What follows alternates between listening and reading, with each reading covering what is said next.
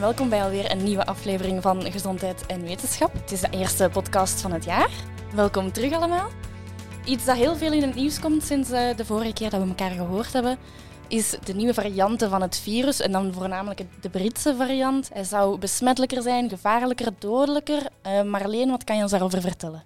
Ja, die Britse variant, dat was uh, vrij nieuw. Begin januari waren er enkele gevallen in, in België gesignaleerd en nu al een kwart van alle besmettingen zijn waarschijnlijk besmettingen, schat men, met de Britse variant, want dat wordt niet altijd getest natuurlijk. Maar bon, besmettelijker is het, uh, dit coronavirus zeker. Dus het hecht zich makkelijker aan menselijke cellen. Dat wil zeggen, ja, je maakt, wordt makkelijker ziek, blijft makkelijker plakken, zeg maar. Dus uh, men schat 40 tot 60 procent besmettelijker. Maar dan is er ook een studie geweest die zegt van ja, ook dodelijker, 30 procent dodelijker. Dat heeft dan wel wat voor paniek gezorgd. Maar dat is dan een studie, we zijn die dan met gezondheid en wetenschap hè, goed gaan bekijken, waar is dit nu op gebaseerd.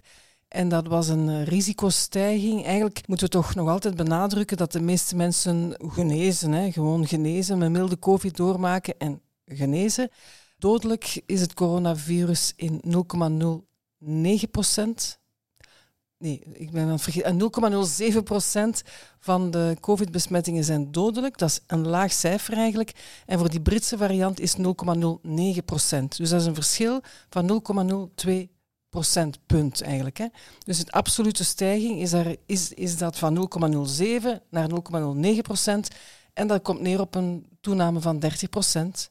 Maar als je zegt een toename van 30%, dan lijkt dat oeh. Maar als je ziet hoe laag die cijfers eigenlijk zijn, dat is eigenlijk eh, beperkt. En dan nog, dat is gebaseerd op één studie in Groot-Brittannië, waar men dus veel mensen gevolgd heeft en waar eh, er natuurlijk veel Britse, dat, dat Brits, die Britse variant veel circuleert. Maar het blijft, eigenlijk weten we het niet goed. Het is waarschijnlijk amper dodelijker, maar door het feit dat er veel meer mensen mee besmet worden, heb je natuurlijk ook meer risico op een ernstige COVID. Hè. Hoe meer mensen ziek worden, hoe meer mensen het risico lopen om in het ziekenhuis te belanden. Dus in die zin is het natuurlijk wel een heel vervelende zaak, die Britse variant. Ondertussen is er ook een Zuid-Afrikaanse, daar weten we nog niet zoveel van. En Braziliaanse, weten we ook nog niet zoveel van. Die zijn waarschijnlijk ook, ja, iets, die zullen ook blijkbaar volgens de eerste uh, nieuws daarover, of de eerste studies, ook iets besmettelijker. Maar dodelijker, mm, dat is dat, niks dat er echt op wijst. Ligt het eigenlijk niet in de lijn van, van het leven van een virus om besmettelijker te worden en minder dodelijk te zijn? Ja, zou best kunnen. Hè. De, de mutaties of de, de virussen veranderen voortdurend. En virussen die minder besmettelijk zijn, ja, die verdwijnen uit de circulatie inderdaad. Hè. Uh, en de andere die planten zich makkelijker voort wanneer ze besmettelijker zijn. Dus ja, ja absoluut, dat is zo. Ja vroeg mij af of dat we moesten zeggen dat het voor de mensen duidelijker is dat er zeven mensen op duizend sterven en dus met de Britse negen op duizend. Ja, ja zo in plaats van 0,07. Ja, ja, ja, ja.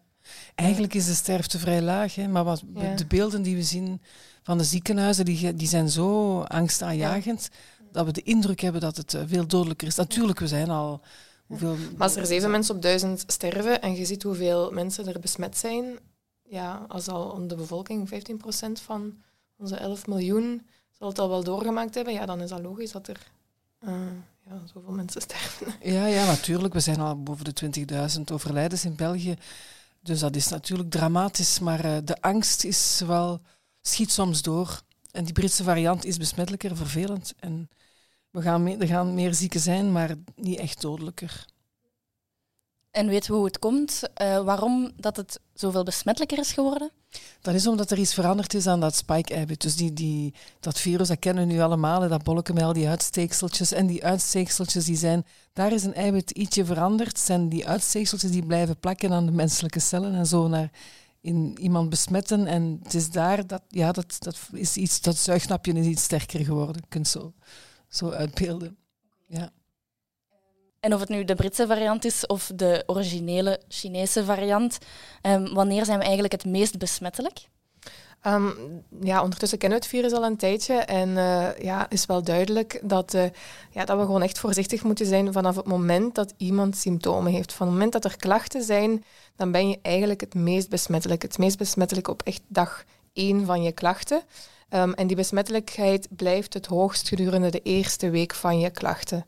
En het vervelende is natuurlijk ook dat je ook al ja, toch wel twee, een tweetal dagen, twee, drie dagen voordat je klachten krijgt, ook al besmettelijk bent. En dat maakt het gewoon wel echt moeilijk. Waarom moeten we dan tien dagen uh, in quarantaine wanneer de besmettelijkheid eigenlijk stopt na een week? Omdat ze uit studies zien dat, uh, ja, dat er mogelijk soms nog wel levende virussen aangetroffen worden tot dag 9. Um, dat is zowel het verste dat ze, dat ze tot hiertoe hebben gevonden.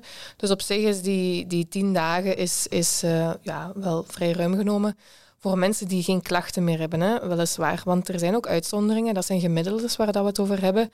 En dus die tien dagen is goed voor iemand die milde klachten had, een milde corona-infectie.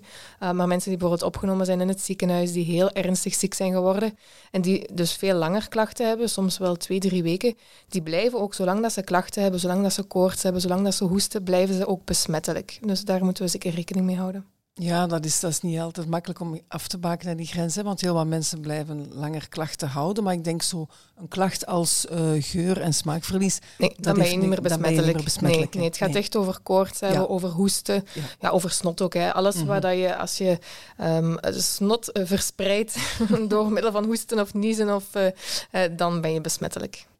En de beste manier om ervoor te zorgen dat je die virussen niet te veel verspreidt, zijn natuurlijk maskers. En tegenwoordig is een gewoon zelfgemaakt uh, mondmasker niet meer genoeg, Marleen, of wel? Toch wel, hè? zelfgemaakt mondmasker of een chirurgisch masker. Voor de, pas op voor de, de mensen die niet in de zorg werken natuurlijk. Hè. Mensen die op uh, covid-afdelingen werken of uh, met covid-patiënten in contact komen.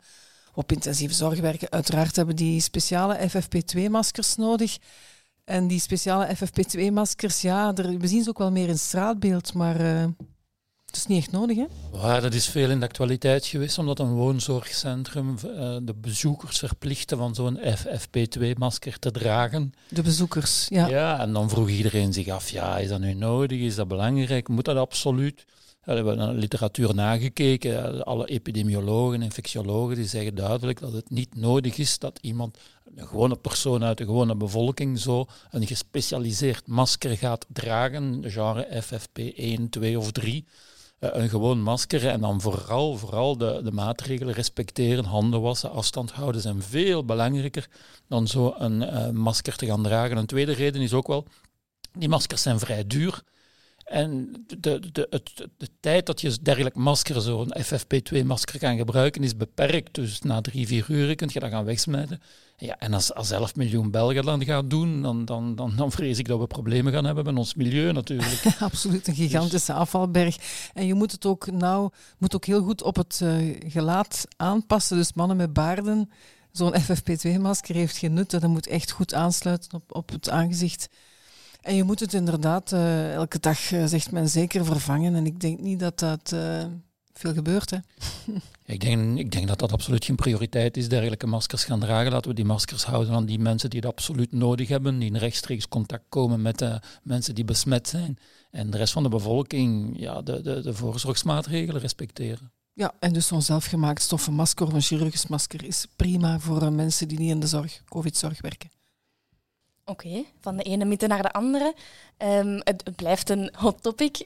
Patrick is al een vreugdedansje aan het doen. Cholesterol, is dat een mythe? Ach, met de regelmaat van de klok verschijnt er zo'n boek dat alles terug in vraag stelt. Hè. Verzadigde vetten zijn dan wel gezond. En, en je moet vitaminesupplementen gaan nemen en, en, en zo verder en zo verder. En dit boek, Cholesterolmythe, stelt de auteur, die een journalist is, eigenlijk met uh, geen medische opleiding of paramedische opleiding, stelt alles terug in vraag over cholesterol volgens hem. Is dit een verhaaltje dat uh, komt uit de, de farmaceutische industrie, die dat verhaaltje op poten gesteld heeft, gewoon om, om, om, om medicatie, statines, cholesterolverlagende medicatie te kunnen verkopen. En in dit verhaal herken je natuurlijk ook de typische verhaaltjes van fake news. Dat is, er zit een complot achter, dat verkoopt goed in uw boek. Een complottheorie is altijd leuk.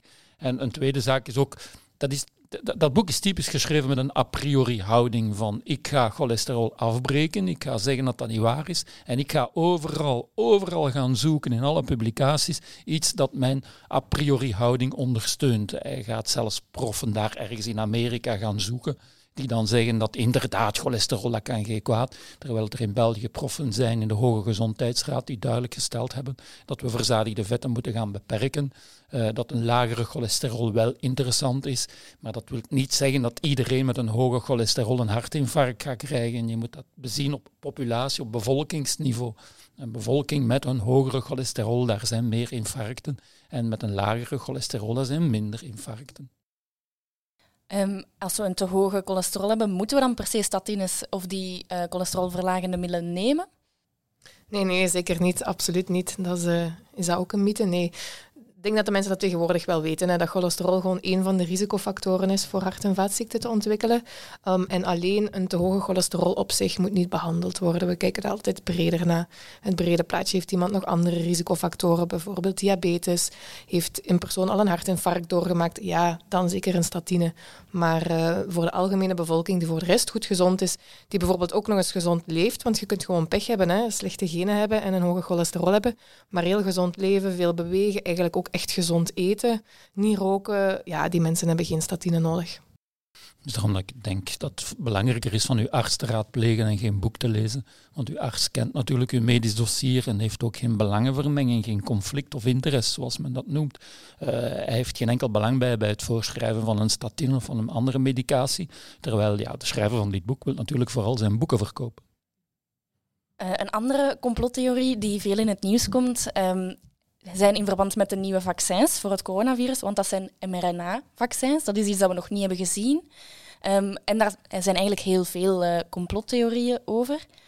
Zijn ze veilig, Marleen? Mogen we ze zomaar toedienen? Ja, er is heel veel rond te doen, hè, rond die mRNA-vaccins van Pfizer en Moderna. Er zijn er twee. Het is een nieuwe technologie voor vaccins, maar een, technologie die wel al gebruikt is geweest voor uh, andere toepassingen bij, bij kankerpatiënten, immuuntherapie. Bij kankerpatiënten wordt ook soms gebruik van gemaakt van die mRNA-technologie, ook in de veterinaire geneeskunde, diergeneeskunde.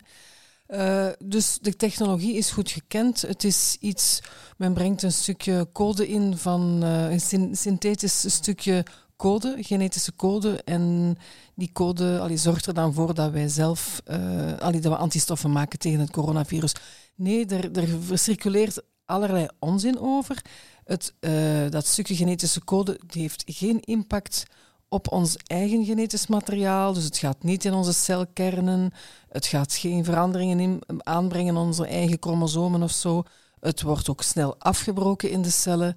Dus dat is veilig. Um, ja, er is nog een andere mythe, ik kan maar ineens erbij zeggen. Dat wordt echt wel heel vaak herhaald dat uh, de mRNA-vaccins de vruchtbaarheid van vrouwen in het gedrang zouden brengen.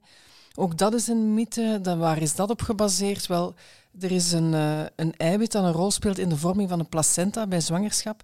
En dat eiwit heeft een kleine overeenkomst met een, het eiwit van uh, de coronavirussen. Dus op de manteleiwitten, die spikes, die uitsteekseltjes.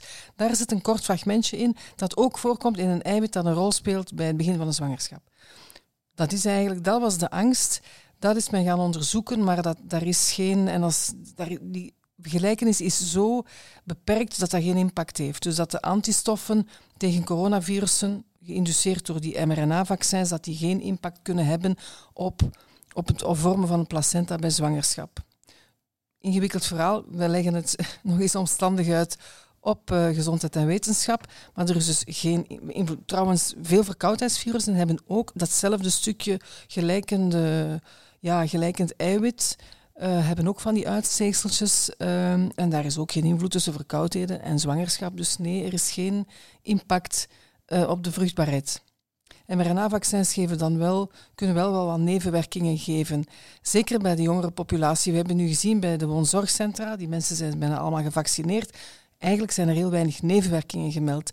Maar nu men gaat beginnen aan de jongere mensen, jongere generatie, zorgverleners en zo verder, verwacht men iets meer nevenwerkingen, omdat die meer sterker reageren. Hun immuunsysteem reageert sterker, dus we verwachten bij de helft milde symptomen, wat hoofdpijn, wat vermoeidheid, voorbijgaand. Niet ernstig, maar toch wel ietsje meer dan een griepvaccin bijvoorbeeld. Dat zullen we dan in de komende weken wel merken. Ja, ik merk op eigenlijk in het algemeen al die complottheorieën hebben altijd dezelfde structuur. Hè. Dat vertrekt van een zeker feit dat klopt. En dat gaat men dan extrapoleren tot in het absurde, tot in het sensationele, om, ja, om toch te kunnen verkopen. Ja, ja, dat is waar. Dat is waar. Er is altijd wel ergens...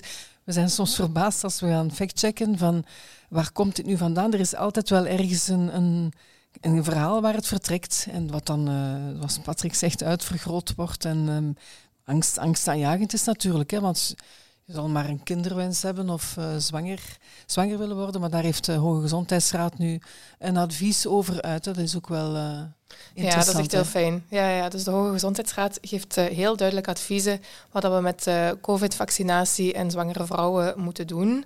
Um, ja, wat het, het, momenteel het advies is om niet alle zwangere vrouwen systematisch te vaccineren. Wat ook logisch is, want de huidige studies zijn niet uitgevoerd um, bij zwangere vrouwen. Um, dat wordt in eerste instantie ook niet gedaan. Um, die studies, studies zijn nu wel, die worden nu wel opgestart. Dus nu worden er ook studies gedaan waar dat zwangere vrouwen uh, tot de proefpersonen behoren. Um, dus het wordt niet systematisch aangeraden aan elke zwangere vrouw, uh, wat wel zo is voor het griepvaccin bijvoorbeeld. Um, maar het, het, is ook niet dat het gevaarlijk is voor zwangere vrouwen. Um, want bijvoorbeeld zwangere vrouwen die een hoger risico hebben om een coronavirusinfectie op te lopen, of die eens dat ze een infectie hebben, een hoger risico hebben om ernstig ziek te worden, bij die kunnen de artsen en, en, en kunnen de vrouwen samen nadenken om zich toch wel te laten vaccineren. Dat gaat dan over zwangere vrouwen in, uh, in uh, de zorgsector. Um, vrouwelijke huisartsen. Ja, vrouwelijke huisartsen. um, en, en, mensen met chronische aandoeningen, ik denk maar een, ja, een immuunstoornis uh, of dergelijke, die kunnen met een arts overleggen om zich toch te laten vaccineren, ook in de zwangerschap. En in dezelfde lijn heeft de Hoge Gezondheidsraad ook laten weten dat vitamine D supplementen en zinksupplementen zeker geen wondermiddelen zijn in de behandeling en zelfs niet in de preventie van uh, problemen met coronavirus. Ja, goed dat ze daar een advies over hebben uitgevaardigd, want we hebben dat ook al vaker uh, gezegd op gezondheid en wetenschap. Van, allee, het heeft geen enkel nut om vitamines en zeker ook geen vitamine D of, of hoge dosissen C of zink. Ja, dat is allemaal vrij nutteloos. Het is goed dat we dat toch ook melden, want mensen geven daar aardig wat geld aan uit. Inderdaad. En dat is uh, verloren geld. Hè. Uh, nu de vaccinaties in de woonzorgcentra bijna rond zijn, gaan we beginnen iedereen vaccineren, systematisch in groepen. En mensen vragen zich dan af, als ik gevaccineerd ben, waarom moet ik dan nog de maatregelen blijven volgen? Ja, jammer hè. maar we moeten wachten tot er het virus eigenlijk uit, wat uit de circulatie is. En dan moeten we minstens 70% van de bevolking vaccineren. Want uh, niet iedereen wordt natuurlijk meteen gevaccineerd. Dus ja, zolang het virus circuleert, zijn er kwetsbare mensen die kunnen uh, besmet geraken en ernstig ziek worden. Dat is één zaak. En twee, we weten ook niet zeker of mensen die gevaccineerd zijn het virus toch nog kunnen overdragen. Dat is, klinkt raar, maar dat is zo. Dus mensen die gevaccineerd zijn, bijvoorbeeld mensen in zorgcentra, die zouden kunnen besmet worden, bijvoorbeeld door een bezoeker. En misschien dat virus uh, doorgeven zonder het te weten. Als dan een, een kleinkind daarna op bezoek komt of, of, of, een, of een tante. Of, dus we weten niet zeker of, of dat gevaccineerde mensen het virus nog eventjes kunnen doorgeven. Het zal nooit hetzelfde zijn zoals iemand die echt ziek is. Maar het kan zijn dat dat toch nog ja, even in je keel of, in, of blijft hangen en dat je toch een dag misschien toch nog het virus kan doorgeven. Dat weet men nog niet, dat is men nog aan het onderzoeken, dat is vervelend. Maar daarnaast moet natuurlijk uit, uh, uit circulatie verdwijnen en dan hebben we nog wel even werk. Hè. Nog wel eventjes werk om iedereen uh, gevaccineerd te krijgen en om de vaccinatietwijfel weg te werken. Maar het goede nieuws is, er is geen griep. Juist, er is geen griep dit jaar. Ja. Geweldig, hè? Ja, ja. Toch eindigen met goed nieuws. voilà, met die boodschap zullen we ineens afsluiten dan. um, dus we blijven allemaal ons mondmasker dragen en afstand houden tot 70% van de bevolking gevaccineerd is. Uh, en dan zie ik jullie volgende maand opnieuw. Ja, oké. Okay. Bij, bij leven en welzijn.